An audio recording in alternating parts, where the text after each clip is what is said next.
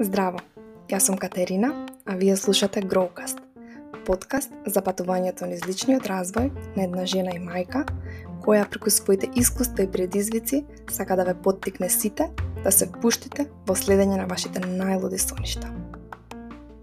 Овој подкаст е поддржан од Embryolis Косметика.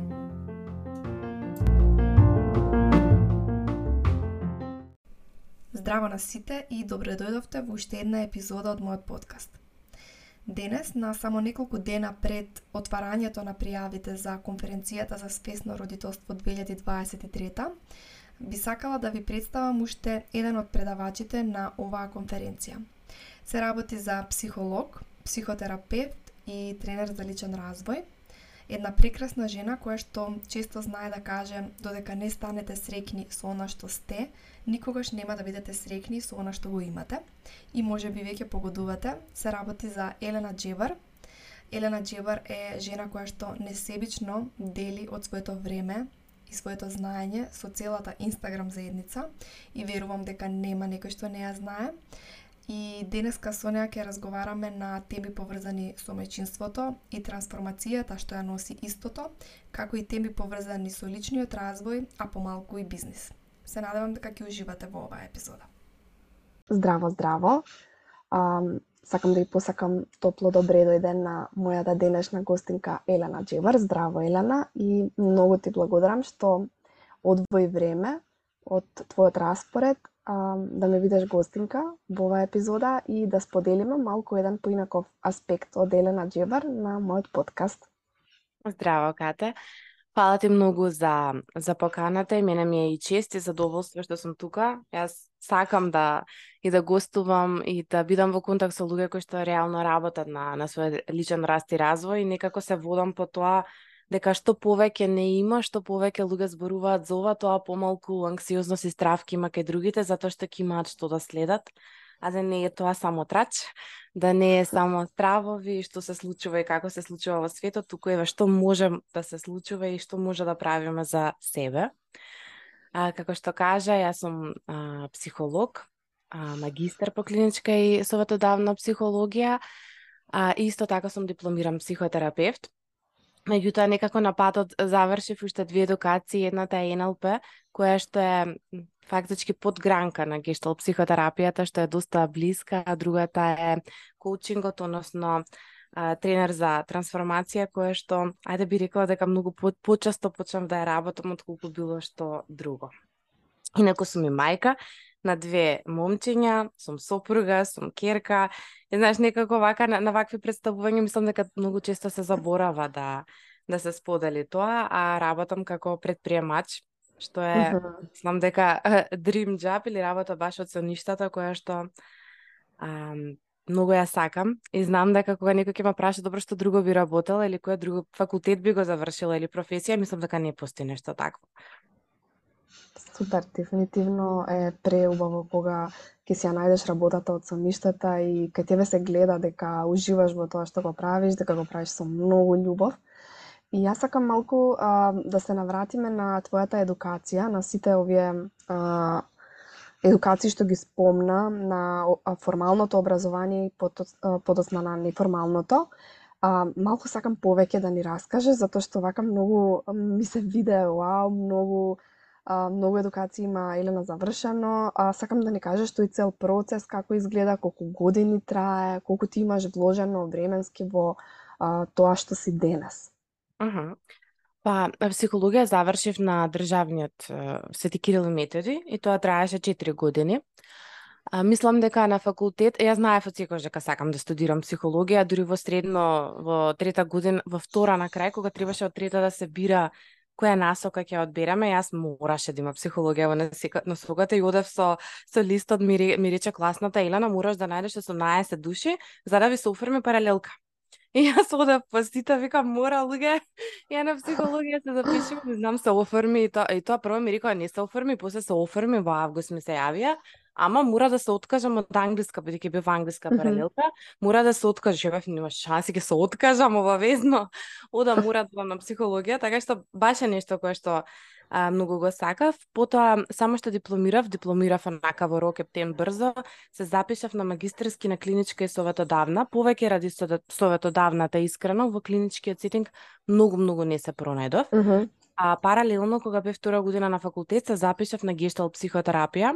Гешталтот трае околу 5 години, меѓутоа реално не секој успева да го заврши толку брзо затоа што тоа се околу не знам 3000 часа веројатно работа на себе, а каде е читањето и сите тие други работи, тоа се 4 години основна едукација. Mm -hmm. Потоа има супервизија односно се оди на супервизија за работа со клиенти, а тоа се 450 часа работа со клиенти, па сега некако преброј да видиш како како изгледа тоа, 100 часа индивидуална работа на себе, а 270 часа се семинари, имаме 100 и нешто часови од други правци семинари, мислам баш е она многу многу часови едукација, што е многу убаво, мене не ми сметало никогаш, јас дури дури викам е и малку, затоа што психотерапијата е една друга професија, тоа нема нема факултет кај нас за нешто такво, инаку бев на а, завршив гешталт во а, институтот Гешталт институтот Скопје кој што е акредитиран и кој што е поврзан со Малтешкиот универзитет. И ние сме некако цел Балкан заедно со Малта поврзани.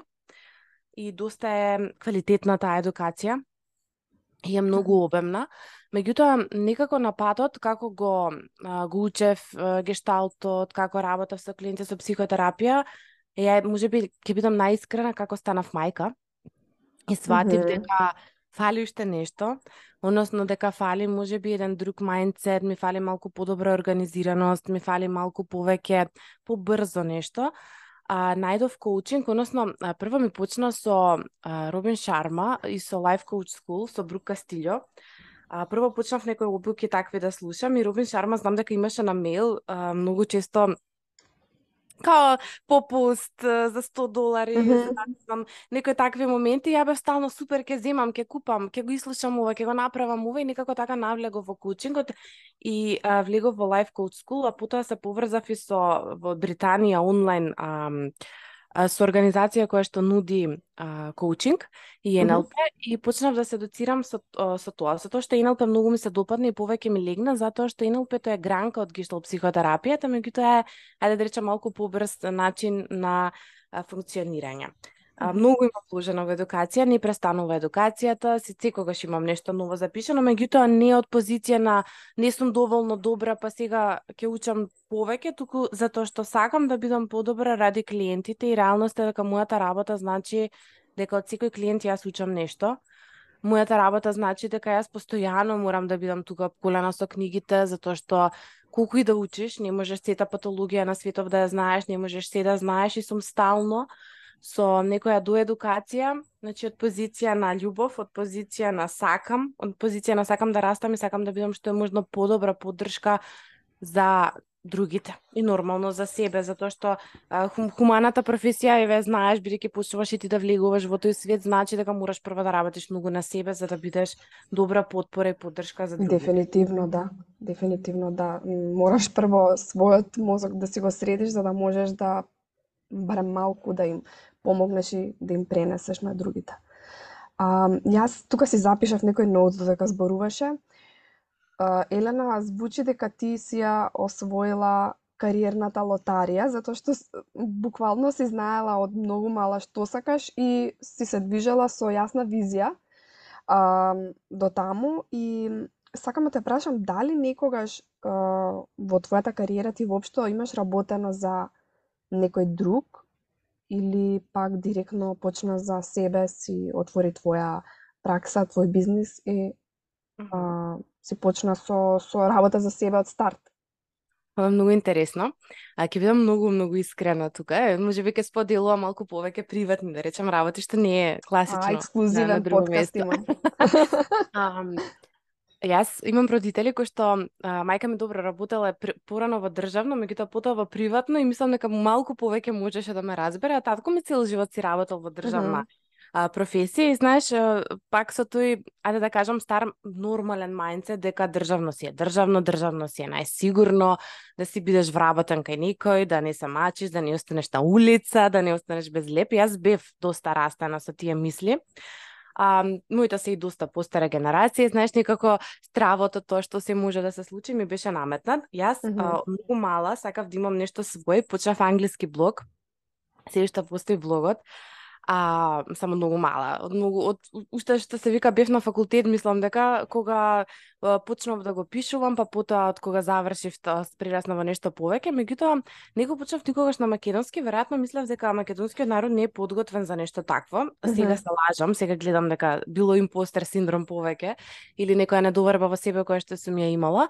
А, меѓутоа почнав да а, волонтирам прво во неколку организации, па бев во повеќе околу деца, значи овие што се сите организации, детски организации, па волонтирав и во Црвен крст некој долг период, а, бев во градинка и тоа беше последниот период кога бев во градинка, државна градинка. Uh -huh каде знаеш како си е нашата држава, па сега треба партиски да влезеш, па вака. Така мислам, онака потполно ќе видам искрена. Да, да, да. Се застанав и почнав да да праќам сивиње на други места, знам пратив сиви во една IT компанија и ме викнаа на разговор и јас викам нема шанси за помала плата од ова, не не прифаќам помала плата од ова, знаеш, со оној мајндсет дека па сега во градинка еве сигурно ќе ти биде, ќе си имаш лесна работа толку и толку часа.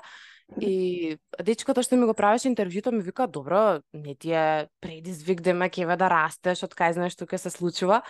Знаеш, вака го погледнав Mm -hmm. Овој не знае дека, дека не ми е предизвик да растам за друга фирма, предизвик ми е да растам за себе, затоа што реалноста е дека Јас секогаш сум сакала да да помагам да бидам психотерапевт, фактички, не психолог, затоа што психологот сам по себе не може да биде а, психотерапевт, значи баш психотерапевт.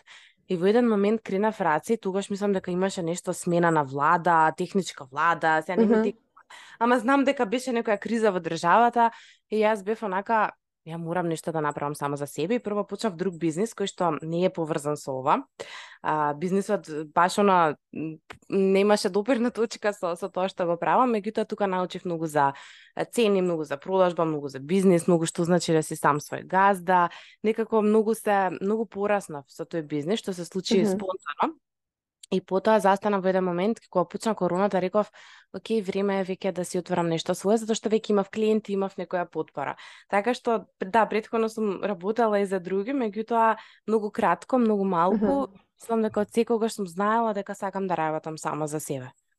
Да, и тоа е прекрасно, стварно. И, и, имав проблем на почетокот, затоа го донесов интрото. Значи прво беше што ти е, леле тоа е страшно, што ако немаш клиенти, што ако не ти тргне, А меѓутоа после некое време ги издржав сите тие да ги речам притисоци, сите тие стравови, анксиозност. Беше баш притисоката. Значи на моментот еден клиент, два клиенти, три клиенти, пет клиенти. И тоа како како доаѓа и било целосен стрес затоа што нели додека да дојдеш да можеш да имаш плата, да се отвори фирмата, да, да може. Песам тоа е баш она една процедура да речам во позадина која што не е толку едноставна, имаш даноци, имаш секакви ајде да кажам позадината е многу различна од она што се гледа, имаш маркетинг дел И мислам дека после некое време, после една година, кога реално успеав и кога успеав да а, да стигнам на некој ниво кое што беше многу повеќе од тоа што го очекував, се опушти најмногу татко ми, ми е најголема сега, меѓутоа ми е многу смешно и он стално вика браво како успеа, направи, сега не ми е страв, сега сваќам што значи, затоа што реално кате предприемништвото е нешто што е природно и нормално, а тоа е никој да не те обврзува, туку да секој со тоа што го знае и уме да може да преживува. Нешто што било и порано на времето, некој си чувал пиперки, некој краставици, нешто која размена да речам на некој имал стока, некој бил златар, тоа се тоа се природни, да речам да. професии каде што не мора да зависиме од секогаш од институцијата горе. Да, буквално тоа што го знаеме, што сме го стекнале со тек на време, да го размениме за нешто од кое што ќе можеме ние да живееме. И да. нема нешто поубаво А, запишав уште нешто, а, запишав Life Coach School. Life Coach School на Брук Кастилјо е една голема инвестиција. А, јас не знаев, а, до сега немав слушнато дека а, ти го имаш завршено а, ја имаш завршено оваа коучинг сертификација. Сакам тука малку да застанеме и да ми кажеш а, не конкретно за оваа инвестиција, меѓутоа како се менуваше твојот мајндсет со текот на времето во врска со инвестирањето во вложување во себе? А, јас ке мене можам да забележам ептен дека тоа си има променето со текот на времето, значи порано ми било многу 100 евра да вложам во некоја едукација, програм или да, советување, а сега мислам дека можам многу повеќе без око да ми трепне. Значи тоа е се работа на мајнцетот, не е дека јас сега заработувам не знам кој знае колку повеќе од пред некое време, меѓутоа си има си имам а, сменето и сум дојдена на некое ниво каде што сум многу свесна што значи тоа инвестирање во себе, односно сум на некој начин спремна а, да се обложам на себе, буквално да се кладам на себе, да ризикувам, затоа што знам колку вреди. Се не знам дали го делиш ти тоа мислење или нешто слично на тоа.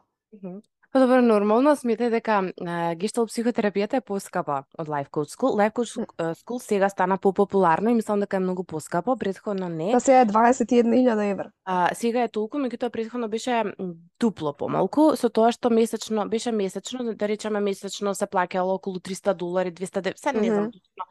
А, како меѓутоа одиш во групи, имаш коучинг, јас онлайн го, го завршував, немав, да. немав контакт, меѓутоа имаш групи, имаш пир група, мислам доста интересно им е направено, имаш mm -hmm. работа нормално со коуч и можеш да се откажеш во било кое време, мислам ако не можеш, не е нешто кое што те обврзува толку многу. Mm -hmm. а, интересно е, на секој би му го препорачала искрено со тоа што има доста поевтини, кои што не се толку популарни. Јас а, а, не го довршив скроз до крај, се откажав и се врзав со Лондон, се врзав со во Англија, има Има, ако сакаш, ако те интересира, ќе ти пишам доста, мислам, буквално и на Google да побореш. Да, можеме да ставиме и во notes, може би некој друг ќе го интересира и често добивам прашања има доста различни со тоа што мислам дека има и сега и кај нас. Не сите носат сертификат. Јас искрено не го препорачувам за некој кој што нема подлога во психологија или mm -hmm. барем да научи неколку предмети од психологија затоа што uh, лайф коучот е опасен. Значи јас ова морам да го кажам, не може некој што ќе дојде со гранично расстройство на личност, а тој од страна не знае што е гранично расстройство на личност, mm -hmm. да му прави коучинг на другиот, Затоа што да. може да го да го донесе буквално во психоза и да го испрати во бардовци наместо да му го подобри животот. Нели сакајки најдобро да направиш? Точно. Може да направиш е, грешка и затоа реално добрите да речам коучеви или тие кои што завршиле се свесни кога гледаат некаква патологија и викаат стоп ти си за на психотерапија. Да, да. да. на моментот на го нема моментот на на лакомење би рекла или на премногу самодоверба кој што знае да се јави е на лажна, е на привидна самодоверба кај коучингот. Mm -hmm. А, во однос на инвестицијата во гештал психотерапијата многу повеќе имам вложено и во се затоа што ние имаме психолозите и лиценци, па плаќаме и членарини, па имаме постојано семинари, семинарите за гештал кои што ги одев, смете дека се во странство. Еве додека беше короната, одев многу во Америка, семинари и слично. Значи еден семинар бил во просек од 100 до 150 долари. Мислам не е нешто кое што е малку, а семинарот семинарот трае само еден викенд или еден ден или два дена по 8 часа, понекогаш три дена, ама ако е три дена е поскап. И, значи, не е нешто, не знам, беве, Ирвин Јалом, баш го видов. Мислам, имаше доста луѓе на кои што одам. Јас цело време вложувам во себе, затоа што тој што ме знае, стално се, се смејат и другарки што ми се отпорано. Јас кој што прави да се излегло вечерта, викендот обавезно сум била на некоја едукација, треба нема да спијам а не сум вложувала во гардероба.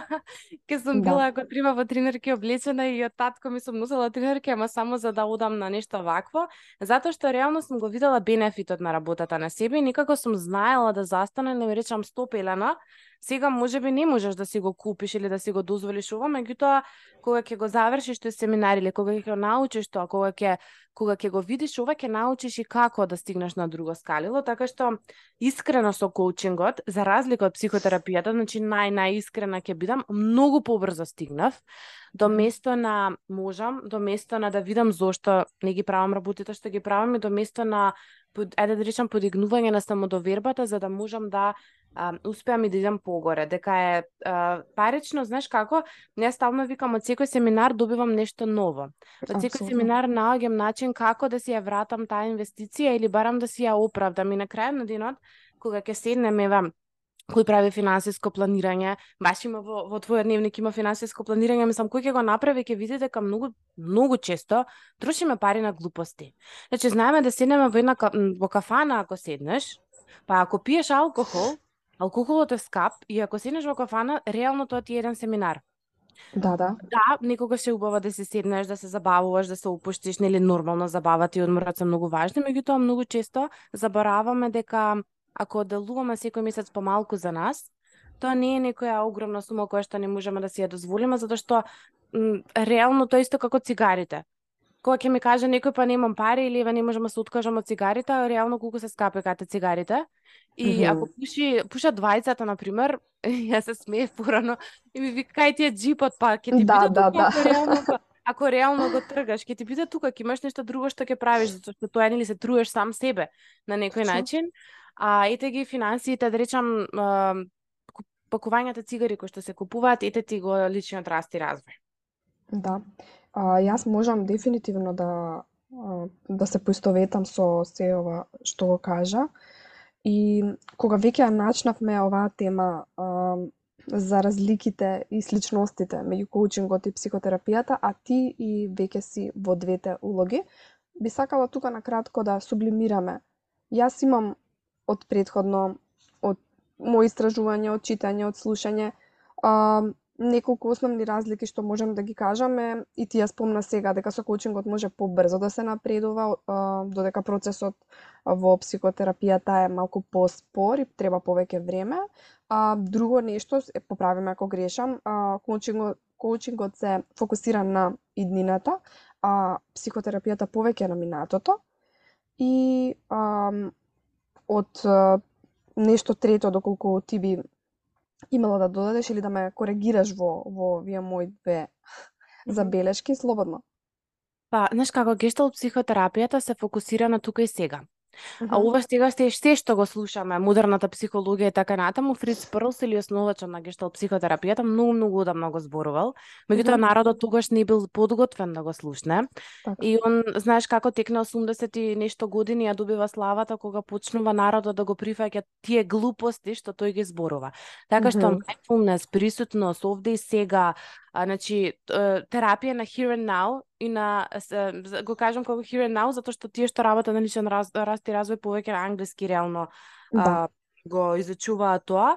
Овде и сега свесноста и контактот се главните да речам аспекти на гешталт психотерапијата.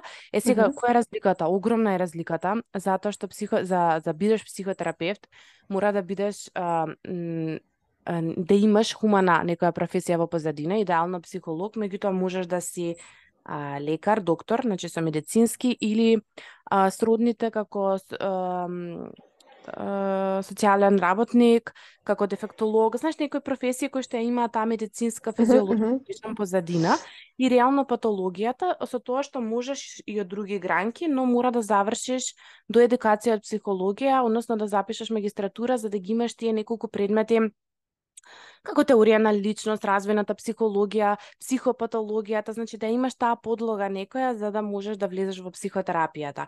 Психотерапијата лекува, исцелува и а, анксиозност, депресија, секакви расстройства на личност, други појави, се работи некогаш и со психотични појави, додека коучингот не може. И знаеш, јас некогаш викам кога зборуваат за анксиозност, за депресија, коуч не сме да, да, да го носи тој момент, затоа што не ја знае реално позадината на анксиозност и депресија депресијата, не знае дали а, анксиозноста е само симптом на некакво пореметување на личност, реално коуч не знае кои се пореметувањата на личност, затоа што може да стане секој. Е сега знаеш како тоа во Америка толку стана популарно што буквално секој стана коуч. Да, да, индустријата брзо Да. многу расте. Мислам, затоа што има многу ефтини едукации, има многу брзи едукации, за коуч можеш со три, не со три месеци, со три недели има transformational coach. Мислам, тоа е многу интересно да се заврши и да се има. Ама не е нешто кое што баш оно, нели, ќе имаш цела подлога и ќе го знаеш. За три недели или за еден месец или за три месеци, некогаш и една година, реално зависи сега што е, НЛП-то знае да трае подолго по една година од, од година. Од прилика по една година траат тие едукации, меѓутоа не се исти како психотерапијата. Психотерапијата има зашто трае толку многу години, затоа што се работи на своја лична зрелост, а, се работи на клиничка пракса, се работи на супервизија, коучот не секогаш има супервизор, може би не, не има воопшто, мислам, тоа не е регулирано со закон Да. додека психолозите, психотерапевтите се е, сам баш она еден друг да речем етички момент работат и тоа е како операција на мозок. А, и затоа секогаш, секогаш викам ако веќе имаш некаква анксиозност, депресија, проблем, се соочуваш со некој страв, прво психотерапија па потоа коучинг а, доколку немаш никаков проблем и сакаш на пример да стигнеш од точка А до точка Б, тогаш коучингот многу ќе ти помогне. Со тоа што кој коучингот викаш на еднината, а психотерапијата на минатото, не, психотерапијата се фокусира на тука и сега, но Mm -hmm. многу често нас во тука и сега ни се наоѓа минатото. Така, така, така. Односно ни се наоѓаат секакви трауми, уверувања, работи кои што накочат и кои што не ни даваат, ајде да речам, некоја добра подлога, но исто така доколку си само на коучинг, а не одиш на психотерапија, многу е многу е возможно да не успеш да се слушнеш себе. Односно да не видиш и дознаеш многу аспекти за себе и мислам дека еве конкретно барем јас затоа што двата сум ги осетила, да не била психотерапијата, мене коучингот ќе ми донел само нека привидна самодоверба, привидна Така. мотивација, знаеш, оној првиот момент да речам ам, стрелата да се пушти напред, но после тоа ќе сум го изгубела правецот, така што тоа е клучната разлика што пред се самата едукација, мислам дека ќе си го каже, нели, своето зошто психотерапијата е доста пообемна и секој психотерапевт од прилика може да биде коуч, колку и да звучи смешно, затоа што реалноста е дека теоријата и така натаму таа е во психотерапијата се поминува многу брзо, многу лесно, но некои техники кои што се користат дополнителни во коучингот се многу полесни, побрзи за разбирање и во коучингот можеш сам да си направиш, има и self coaching модел што се вика, каде што реално јас имам и подкаст епизода околу тоа, зашто не правиме промена, баш каде што го споделувам овој self coaching што е лани мислам дека или прехлани како му доаѓа. Можеме да ја поврземе и таа Што е- во опс. Што е многу лесен, знаеш, ја гледаш околноста која што ти се случува, гледаш која е мислата која што се јавува, емоцијата која што се тригерира, ја бираш акцијата и ја имаш последицата. И сега таму малку повеќе го имам објаснато што се случува, коучингот реално повеќе на тоа се, значи, што ти се случува, дај да видиме кои ти се мислите, кои ти се емоциите, што ќе промениш и така натаму. А психотерапијата во моментот на акција не секогаш се менува само мислата, затоа што во психотерапијата не само мислата, се гледа точно зошто не може човекот да се мобилизира за акција.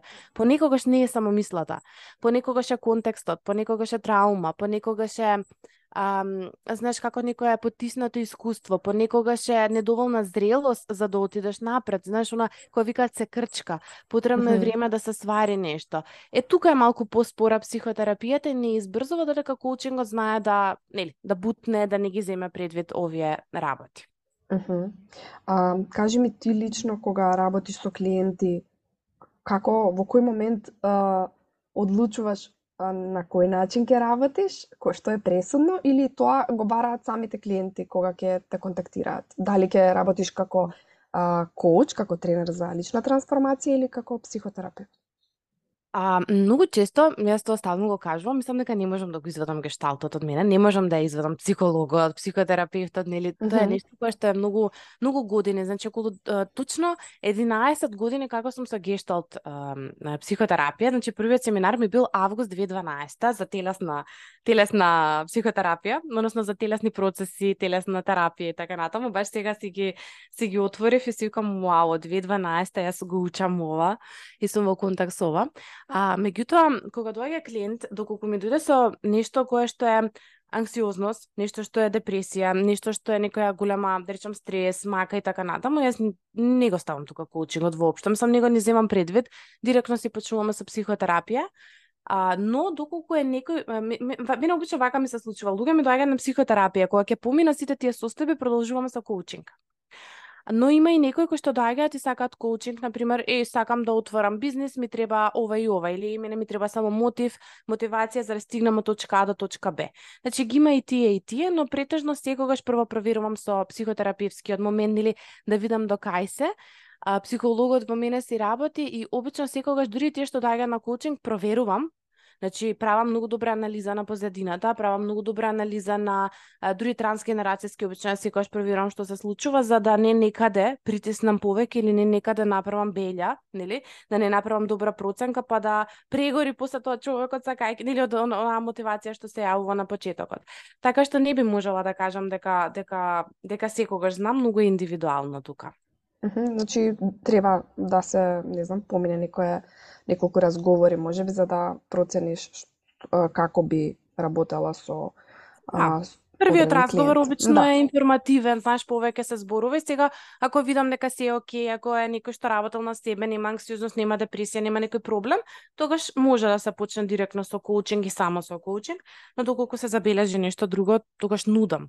Нели нормално давам давам опција, ама знаеш како секогаш си велам што и да се случи, не стравувам и не се плашам затоа што ја имам таа потпора позади мене, па дури и да да речам прсне клиентот, да, да му е многу тешко да се отворат некои тешки процеси, јас сум тука и знам да го да го држам. И затоа Да. викам таа поддршка ми е многу важна и значајна во процесот и не се плашам што и да дојде. А, вака како што кога те слушам како зборуваш, а, не замислувам дека ти имаш, не знам, некоја строга граница, па сега ќе ќе му кажеш на клиентот, е, јас од сега ќе ти правам коучинг, а до сега ти правев психотерапија, значи дефинитивно не, изгледа така. Не. А, Знаеш како секој што работи, што работи од мојата страна, мислам нели од страната на коуч, психотерапевт, психолог, без разлика, а, носи а, своја автентичност. И јас секогаш викам не можеш со секој да работиш, мораш да бираш по интуиција, мора да Така видиш е. во која позиција во животот се наоѓаш, ко- кога си, како си. Јас самата имам сменато многу терапевти. Тоа е и развојно, ние значи задолжително да менуваме за да видиме како изгледа работа со друг, а од друга страна пак и да најдеш нешто што ти одговара во моментот. Значи мене многу често коуч ми сметал. Значи не не ми треба сега тука да ме мотивираш, мене сега ми треба да се изнаплачам, да видам што се случува, да си отварам некоја траума и обратно. Многу често знаела терапијата во некој момент да ми смета. Јас ти споделив кога станав мајка, Мене во тој момент не ми требаше терапија, зашто веќе бев изнаработена. Мене ми требаше некој да дојде да ми помогне, да ми покаже како, да ми покаже техники, како сега ти да не се распаднеш тука како мајка, да не Мгм. да се организираш и да можеш да бидеш и во бизнис, и, и добра мајка, и добра сопруга, и да можеш ти да, нели, да не се распаднеш буквално и како човек. Значи да имаш еден момент на грижа за себе. И затоа секогаш викам, тоа не е некоја, а, значи како границите се флуидни ќе се забележи кога ни треба нешто повеќе и веројатно самиот човек ќе забележи кога му треба повеќе, а имам клиенти кои што одат и на коучинг на психотерапевт. Да, И тоа знаеш, сакам да прашам сега. добиваат различно, затоа што знаеш јас имам некое свое искуство, своја динамика, ќе ти кажам нешто друго. Другиот коуч или терапевт ќе ти каже нешто друго. Мислам, тоа е природно на на крајот на денот, растот се случува во контактот меѓу двајцата. Значи растењето, развивањето се случува точно во контактот во таа средба која што имаат двајцата. Јас затоа не верувам многу во оние self therapy или самотерапии. Затоа книгите за личен раст и развој не секогаш носат ам, односно никогаш не носат голем, голема промена. Они носат мотивација, инспирација, меѓутоа не ја носат таа затоа што промената се случува во контактот. Промената се случува кога ќе го видиш другиот човек, кога ќе го слушнеш, кога ќе ти се обрати кога реално ке, ке те уважи и ке види нешто во тебе друго. И затоа е различно многу, значи некој може да дојде кај кај три личности и да научи многу, а од друга страна и самиот коуч или психотерапевт расте од клиентите. Значи јас нема средба со клиентот која што не учам нешто и од клиентот. И тоа има многу чудно кога ќе го слушнат. Кога кој речам фала ти што ме научи на ова и ова. Вау, па ја те научив сигурно. Па да, ме подсети, знаеш колку, знаеш колку носат и тоа е тоа искуство. Затоа некој што има 50 години на пример терапевт, нор- нормално ако се доцирал и работел многу со клиенти, а, знае многу и носи многу затоа што го има цело тоа искуство во позадина. И имав баш имам некоја имам една клиентка вика добро како го имаш тој речник? Како знаеш што да кажеш? Како знаеш ова да ми го донесеш? Сето тоа си го прави искуството. Сето тоа си го прават луѓето контактите дружењето со другите самите терапии самиот тој контакт. Да, не е убаво нешто што во книга ќе се научи. Дефинитивно не се учи во книга тоа. Да, да, да, многу, многу, мислам дека многу го кажа и за се треба искуство и време. Јас а, многу верувам во тој процес на интеграција од после, а, затоа што еве и со NLP practitioner кога завршив, јас многу работи уште ги варам а, што ги имам поминато на таа едукација и не се случи, значи во тој момент можеби не ми изгледало како нешто вау или но потоа кога ќе се соочам со некоја ситуација, јас сваќам дека нешто сум добила од таму, нешто сум интегрирала и, и, и мислам дека уште сум во тој процес и ќе бидам постојано како учам нови работи, ќе бидам живот. постојано. Да, да. А сакам да кажам дека некогаш нема во мом... ти кажа контакт, во контактот се случува. Меѓутоа некогаш мислам дека тоа е од после се случува таа контактот со себе Да, ќе ти Ама текне. кој имаш контактот со себе тогаш, кате пак е во контактот. Пак е контакт, точно. Супер. А, ми се допаѓа многу ова. А, вака сега сакам да те прашам а, како се промени Елена откако а, откако стана мајка. Јас вака некако од искуство, од разговори, а, има два моменти кога кај мајките особено, кога се станува мајка и кога се влегува во бизнис. Па еве како тие два моменти изборувавме за бизнисот дека ти од многу рано си а, влезена и по, си почнала да работиш за себе. Еве како се промени од како стана мајка. Јас многу се променив од кога станав мајка. А, тогаш почнав да работам со коучинг, фактички, тогаш веќе станав свесна дека ми треба нешто повеќе. И она што ме промени како мајка е што во тој момент сватив колку е важна грижата за себе. И знаеш, дури се запрашав, добро, зашто ја чистам кујната и вецето секој ден? Зашто толку многу се грижам да ја домот среден и да ја бебето чисто, а јас истото да не го правам за себе? И знаеш, мислам дека ќе се согласиш колку мај- мајки забораваат на себе во периодот кога ќе станат мајки и многу жени кога ќе видам престануваат да се грижат за себе и јас некако се тргнав со тоа прашање тука сватив колку е важна грижата за себе. Како што си се грижиме за нашиот дом и многу често она што е надвор всушност е и една слика од тоа што е внатре. И тоа беше периодот кога почнав да ги освестувам моите емоции. А мислам дека најмногу се освестив детето најмногу ми ги донесе да речам сите моменти за кои што не сум била свесна дека ги имам проблематични и со родителите предходно и со некои искуства и тогаш си најдов ментор за да можам да си ја запознаам и мојата вредност и за да можам да научам да поставам граници. Затоа што мислам дека тоа ми беше најголемата а, најголемиот момент на најголемиот предизвик во тој период да поставам граници, да научам да се грижам за себе и да почнам да планирам. И тогаш почнав многу да планирам и самото да планирање ми помогна да можам да станам и попозитивна, да можам да станам поблагодарна, да бидам свесна што е оно што сум го правела. Знаеш, кога почнав да ги запишувам работите, тогаш станав свесна, аха, окей, и ова се завршило, и ова се завршило. И дефинитивно најголемата трансформација која што ја доживав е токму кога бев мајка, затоа што ако претходно имав импостер синдром, ако претходно мислев дека не сум доволно добра, па сега не кем за македонска публика, па страм ми е, па ја треба сега тука да излезам, па да ме види некој, па што ако го кажам ова, што ако го кажам она.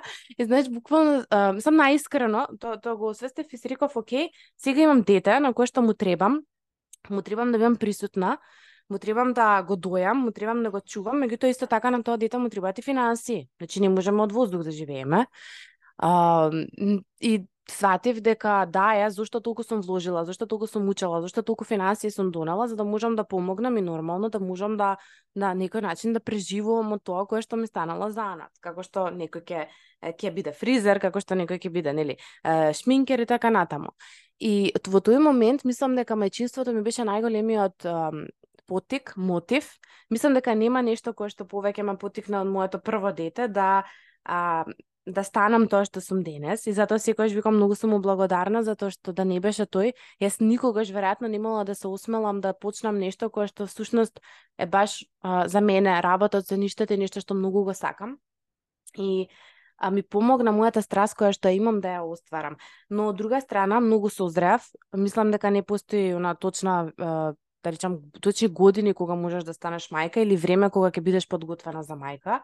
А, во моментот кога станав мајка, јас сум млада мајка, буквално почнав да се оздравам. Имав бур бури перипети, значи анксиозност и сето тоа што е нормално и покрај целата поддршка едукација што сум ја имала, тоа е нешто кое што неминовно се случувало во процесот, меѓутоа и период кога сватив дека морам да престанам со многу луѓе да контактирам затоа што не можам, знаеш, она не е мојата екипа тоа веќе, тоа не е екипата во која што јас се Да. чувствувам пријатно и тие не се чувствуваат пријатно со мене. Секогаш што го велам, не, не, кога тргаме, кога викаме, сакам да да избегнам негативни луѓе, јас сум негативна за нив, не само тие за мене. Значи јас не им чинам нифи. и, тука е многу важна нашата одговорност да ја гледаме. Јас сум досадна другарка веќе. Знаеш, моите другарки тогаш немаат деца. Јас бев досадна. Еле најде одиме во сите мол на кафе, не можам да дојдете дома на кафе. Абе дај да се дотераме, да излеземе, за не, не, не дома или ај во парк некој. Мислам, јас сум била токсична, јас сум била таа која што не е добра за нив. Меѓутоа тогаш сватив дека а, навистина е важно да да екипата околу тебе биде некоја која што ќе те поддржува, затоа што тоа е најдобриот начин за да растеш и да се промениш. И нормално тогаш легов во група со повеќе мајки, а, па имаше на група со мајки каде што се запознав со многу прекрасни ам, а, девојки кои што исто така, таму се запознав со Марија од Развојни зигра, знам. Uh -huh. И онака седев и си викам, а, е, она имаше Јас имав англиски блог, се следевме, меѓутоа она го имаше веќе почнато македонски, и си викам, е супер. Знаеш, баш се мотивирав дека можам нешто да да започнам повеќе. Меѓутоа кога станав мајка и веќе влегов во бизнисот, тогаш мислам дека доста а, мислам кога влегов веќе официјално со отворена фирма, со mm -hmm. time job да речам нели слично, тогаш веќе стана уште попредизвикувачки целиот тој процес. Да. И бизнисот верувам дека многу носи кај секоја личност во однос на промена на мајндсет и во однос на личен развој. А, па, едно со друго се слични. Јас знаеш како викам, не можеш да кога имаш ваков бизнис, е, значи јас немам вработени, јас сум сама во моментов, нормално имам помош и поддршка од страна, меѓутоа а, сама работам, немам она а, пракса каде што имам неколку психо психотерапевти или психолози, uh -huh. тие што ми пишуваат сакаат со мене да работат. И дури кога да. и нудам други моменти, ама не ајде ќе те почекам, јас нудам колешки секогаш, стално викам ја не сум за ова, обрати се таму и така натаму, меѓутоа сум сама. И како растам јас, така расте бизнисот. Како се чувствам јас, така се чувствува и бизнисот реално затоа што ако јас не се грижам, ако јас не сум столбот, нема да може да успее. И тоа е една голема тежина во овој тип на бизнеси, меѓутоа е и голема предност затоа што ми дава па уште поголем мотив да можам да работам на себе, да учам, да се едуцирам и да можам она што јас го носам да го пренесам и на другите баш преку самиот бизнес. Да, и баш буквално тоа може да се забележи uh, во твојот персонален бренд Елена Джебер. А, сакав тука малку на кратко на тоа да се осврнеме како расте брендот. Ако добро се сеќавам на почетокот започна како трансформација, а сега си Елена Джебар. и а, излезе и нели лани или мислам дека лани беше на почетокот на годината за прв пат твојата а, програма асертивна и некако луѓето те препознаваат како Елена Джебар асертивна, а, затоа што доста а, посветуваш внимание на поставување, поставувањето на граници како со, кон себе, така и кон другите. Така што ајде малку да да позборуваме за за брендот и за растот низ времето. Па, да јас почнав трансформација МК и многу се смеев порано, кај одиш? Па одам кај Елена трансформација. И ден да. денес многу луѓе ми имаат запишано Елена трансформација, пример на телефон или слично. А, јас порано имав една, една луда идеја. значи, кога бев, мислам дека е, бев, бевен со таза породен, е, имав еден момент на психотрансформација. Меѓутоа таа кованица некако се уште не ми се допаѓа затоа што mm -hmm. сватив дека реално работата на себе е на психотрансформација. И стално си викав ќе направам нешто, ако ништо друго некоја книга која што ќе биде така, меѓутоа не ми се допаѓаше во моментот кога почнав и реков ќе биде трансформација затоа што и лебедот е еден символ кој што а, кој што секогаш многу сум го сакала и тоа е нешто кој што знаев дека кога тога ќе би, тогаш ќе биде ке крчка. А mm -hmm. претходно тоа што ми беше на англиски беше mostly woman, односно беше баш оно само за жени. Знаев дека е нешто кој што сакам да биде во функција на жената, поддршка mm -hmm. на жената. А како личен бренд сватив дека мора да биде во моментот кога луѓето почнаа да ми викаат трансформација, не Елена. И е, стално се смеев и тука имав доста луѓе и поддршки А, тука беше, мислам дека многу и Моника Зец, која што застане ми рече добро Елена, значи дај да, да те видат луѓето. Јас ако не те виде вика на видео не може да знам дека постоиш. Која е таа вика во позадина? Кој е човек? Не можам да те поврзам, знаеш? Не можам да те го поврзам гласот, ликот, да. името со таа што си.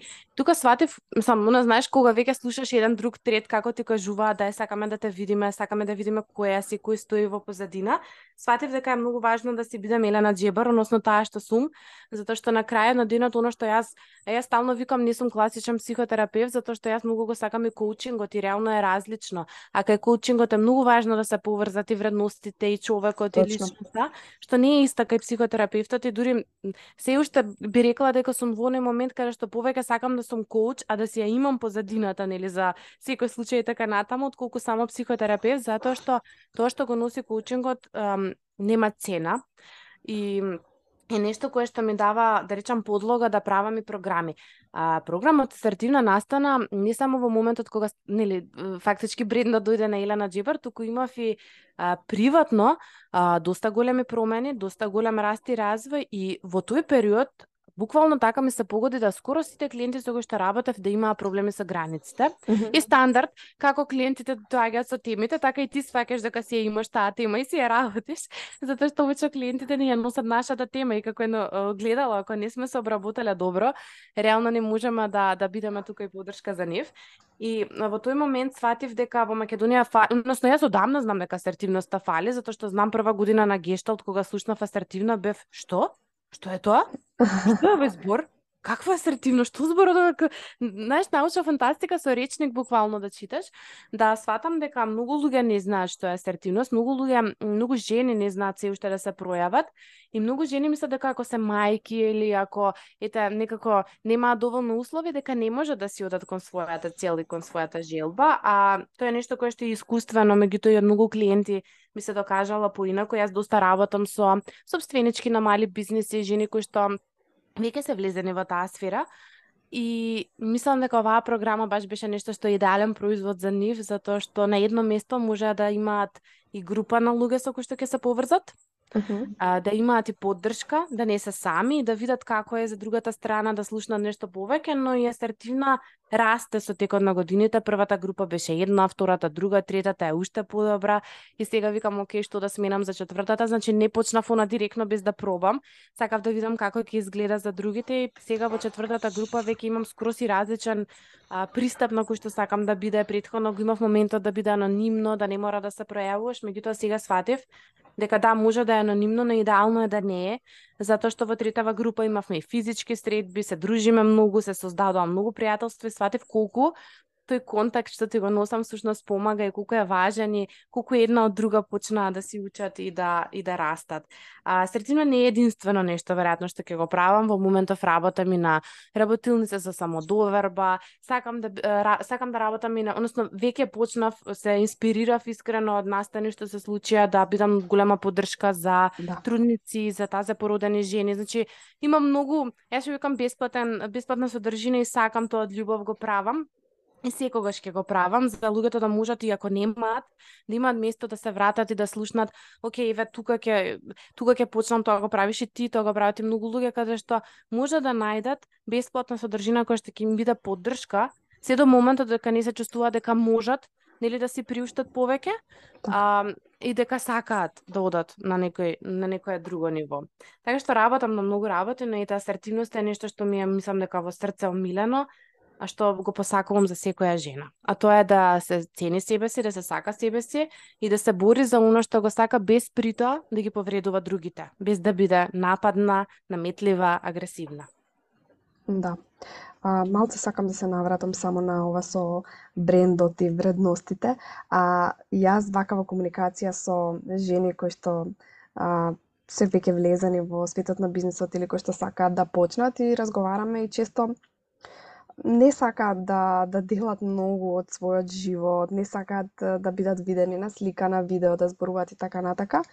Јас секогаш им кажувам дека е многу важно луѓето да знаат дека со друго живо суштество се комуницира, барем барем онолку колку што ни е комотно на нас, значи ние не треба се да споделиме, ако не сме комотни со тоа, на некој начин да ги искомуницираме на правилен начин нашите вредности, а со тоа и таков тип на публика, односно клиенти, ќе привлечеме во нашите заедници. Така што, она, мислам дека е важно да се знае дека нема потреба ти животот 100% да го делиш, значи не е тоа поентата. Поентата е луѓето да те запознаат вистински твоите вредности, а можеш да поставиш граници какви што сакаш во твојот бизнис и ако кажеш јас детето не го делам на Инстаграм, значи моите деца нема да се гледаат, тоа е сосема во ред. Меѓутоа, а, убаво е, убаво е оние кои што сакаат што се потенцијални клиенти да знаат со со кого си имаат работа, што сака тој човек приватно, а, не знам што му какво кафе пие или не знам, некои вредности што стварно сакаме да ги споделиме со нашата публика. Да, тоа ми е многу важно на луѓето. Не е исто со психотерапијата, особено кога доаѓаат со некои состојби на менталното здравје што се подлабоки, затоа викаме различно малку. Да. Баш баш баш ја брига да ти кажам таа што има поспоредилна депресија, што не знае кај се наоѓа, се дали јас нели какво кафе пијам, меѓутоа ако дојде и е, да речам сака само да работи на личен раст и развој, тогаш мислам дека ќе е малку поважно затоа што тогаш се отвараат и некои многу други теми. Или ја она што го викам, не може ти да си анксиозна, да ти се руши се пред себе, да немаш доволно поддршки, а, да имаш мака, секирација, да се наоѓаш во, во развод или нешто такво. И се јас тука да ти зборувам за личен раст и развој, за колку е животот убав, и ајде Така. сега мотив можеш се. Значи мора прво да се смириме, Мора прво да се поддржиме, да помине таа бура и потоа ние да да можеме, знаеш, не може да се, се давам во вода и најнаш сплавав да се изгради. Тоа полека се гради тој сплав, па после ќе се научи како па и да сурфаш на бранови и така натаму. И тоа е многу, мислам дека и тоа е многу важно некако да го да го споделам кога ме праша за разликата, дека разликата е што не можеш кога си анксиозен и кога имаш земјотрес и сите се руши да одиш на коучинг. Тогаш Така. одиш на психотерапија. Па после тоа одиш на коучинг кога ти е смирен веќе животот, кога ти е стабилен или доколку веќе ти е стабилен, па само имаш потреба да растеш за на, напред за некои цели да си ги оствариш. И баш можам да кажам јас од мој аспект дека а, гледајќи те тебе и твојот бренд, буквално а, вредностите што јас ги перцепирам ми се а, професионалност, стабилност, мислам тоа го оддаваш и се гледа и во овој разговор колку колку а, си професионална и колку а, не, не земаш ништо здраво за готово, колку одговорност голема имаш кон секој еден од а, твоите клиенти и дефинитивно тоа се отсликува од од она што го делиш. Од она што Фала го ти, делиш. фала ти ова што ми го сподели, мене многу ми значи, дури ме најази како го кажа. Да, многу, многу, многу сум а, одговорна и мислам дека тоа е нешто што ми е многу важно. Стварно не сакам да избрзувам никогаш и мислам дека тоа го знаат и клиентите дека дека не би брзала за да не се сруши нешто, затоа што темелот е многу важен. Мгм. И знаеш како куќа изграда не може да градиме доколку темелот не е изграден добро. Затоа секогаш многу е важно да си го изградиме темелот, поддршките, столбовите и потоа многу брзо може да се расте нагоре и да се оди и дури и да се сруши еден спрат не е страшно затоа што го имаме темелот, па повторно ќе си го изградиме и ќе го ќе го направиме. А јас сакам а, некако да при крај да те прашам ова зашто лично многу ме интересира како е да се биде мајка на две момчиња. Ух. Затоа што А. мене ме интересира затоа што јас сум мајка на две момчиња. А, јас сум многу срекна. Јас некако знаев дека дека ќе имам момчиња, тоа е а, дури за второто си викав, ај може ке еве едно машко едно женско, меѓутоа јас сакам многу деца, сега здравје, не знам не знам како ќе биде животот. Сопругот тука нема нема поддржува многу. сакам да имам, ние јас сум со ние сме три деца, три сестри сме ние.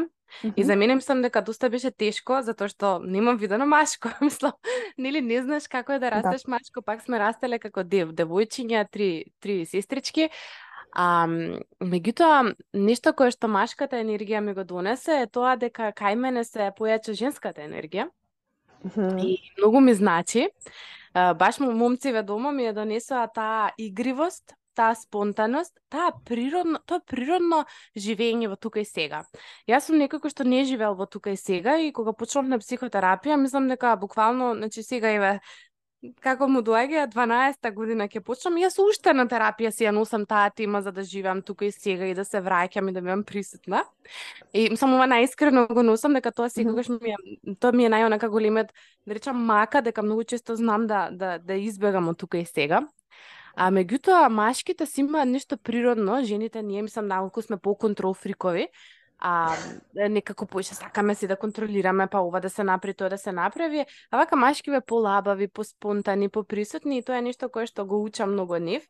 Убаво е да се биде мајка на на момчиња, се викам ако имам трето, може и тоа ќе биде машко затоа што верувам дека секогаш го добиваме она што ни е потребно. Апсолутно да. Дека мајката и синовите си имаат една посебна конекција, само се надам, рак сум во хороскоп, се надам нема да бидам посесивна свекрва. да знава како ќе ме слуша. да ти кажам, се сомневам, вака другарките ми викаат, леле каква свекрва ќе бидеш ти. Тешко што ќе дојде. тест на личноски дареш кога влезе дома. Стално сме се смееле, меѓутоа, знаеш како децата си се деца, дали се машки или женски, мислам дека тоа не е нешто кое што а, кое што менува, но дефинитивно сум стрекина што што можам да бидам подршка за, со нив и да им дозволам да ги имаат сите емоции кои што можеби претходните генерации на машките деца толку многу не им ги дозволувале. А, mm -hmm односно да, да им се дозволи да си плачат, да си бидат нежни, да си бидат емотивни, да секоја емоција биде добре дојдена, да не мора тоа баш да бидат силни, мажи и mm. многу храбри. Иако. Со тоа се соочувам секојдневно, значи многу, многу, многу труд вложуваме јас и сопругот баш во тоа, затоа што секој ден се соочува поголемиот Матео а, со коментари а, плачеш како жена и така натака и толку се трудам тоа да да му објаснам како е, а како не и зошто е така, како што некој му кажал. Mm. И борба е да дефинитивно, ама знам дека ќе успееме. Па ќе успееме. Знаеш, нима се повеќе, нима многу, луѓето се свестуваат. Не секогаш можеш, ева јас конкретно, а, ти имаш, да речеме, кај мене сопругот многу, многу не е заинтересиран за овие работи. Ми вика, е, доста сега нема за Марија, тука нема да ме глумиш. И, знаеш, нормално е дека за некои теми нормално сме се поддршка, ама за некои не сме. Ама секогаш викам, немојте да учајувате, затоа што доволно едниот родител да сака нешто да, mm -hmm. да промени, доволно една личност во животот да се појави која што ќе ти биде поддршка и која што ќе ти дозволи, ама мислам дека дека е многу важно да бидеме поддршка и за мажите и она затоа викаме асертивна, не одиме против мажите. Туку одиме како да се вратиме да бидеме жени и да им дозволиме на мажите да си имаат емоции и чувства и да бидат да бидат тоа што се, да бидат автентични. Да, Била, баш да се вратиме во женска енергија. Да знаеш како да бидеме доволно автентични, за да можеме mm -hmm. да му дозволиме и на другиот да биде автентичен. Да бидеме доволно јас, за да му дозволиме на другиот да биде доволно јас. И само во, mm -hmm. само така реално можеме да растеме и да живееме во еден мир, спокој, склад, хармонија. Да. Јас ова за uh, како е да се биде мајка на, на момчиња те прашав заради тоа што баш следам еден едукатор за родители, uh, не ми текнува името, меѓутоа Raising Boys Peacefully и се вика брендот mm -hmm. и примам низини ньюслетери и многу интересно затоа што она се обраќа само на родителите кои што имаат момчиња. И баш, Супер, баш да ви пратиш. Да, баш онака една целна група и се обраќа посебно и баш не разбира со што се соочувам и многу можам да се пронајдам во се што она споделува. И може би е тука прав момент да спомнеме дека оваа година а, Елена ќе биде еден од предавачите на конференцијата за свесно родителство. А, повеќе информации можете да добиете на родителство.мк и многу се радувам што оваа година и Елена е дел од конференцијата. А, многу ти благодарам што беше денеска дел од мојот подкаст. Се што спомнавме а, од ресурси ќе ги ставам во описот на оваа епизода. А, многу, многу интересни информации споделивме, ама и стварно јас многу се забавував. Ми беше многу интересно. А, Фала ти најверојатно тоа е поради соговорникот, дефинитивно не секогаш а, се случува да да се забавувам за време на снимање на подкаст. Фала ти. А, се надевам дека а, повторно ќе снимаме со некои новости, може би на различна тема. И имај си убав ден, доколку сакаш нешто за крај да споделиш со слушателите, слободно. Фала ти тебе многу и јас многу се забавував ми беше убаво. Обавезно ќе снимаме нешто, ќе дојдеш и кај мене на подкаст и таа размена, размена се надевам дека ќе продолжи. Фала ти што што ја покрена иницијативата. А, и многу ми е драго што што вака се случаме. Со душа ја чекам конференцијата за свесно родителство и баш некако подготвив интересна и многу важна, мислам дека тема за mm -hmm сите и се надевам дека многу родители ќе се приклучат на овој пат да можат да се едуцираат и да растат заедно со нивните деца. Mm -hmm. И така е многу битно што креираме еден голем круг на поддршка и еве, едука... јас се трудам едукација достапна за сите родители и тие што викаат немам, не можам да вложам, еве, ова е стварно нешто символично кај што да. стварно оние што беа лани се доказ дека многу многу добија од од различни аспекти, не само тоа директно поврзано за детето, туку и како да сме ние подобри за себе, за да бидеме подобри родители. Да, па на крај на денот тоа е свесното родителство. Тоа е свесното родителство. Многу ти благодарам уште еднаш и се слушаме во наредна прилика. Поздрав. Да, поздрав.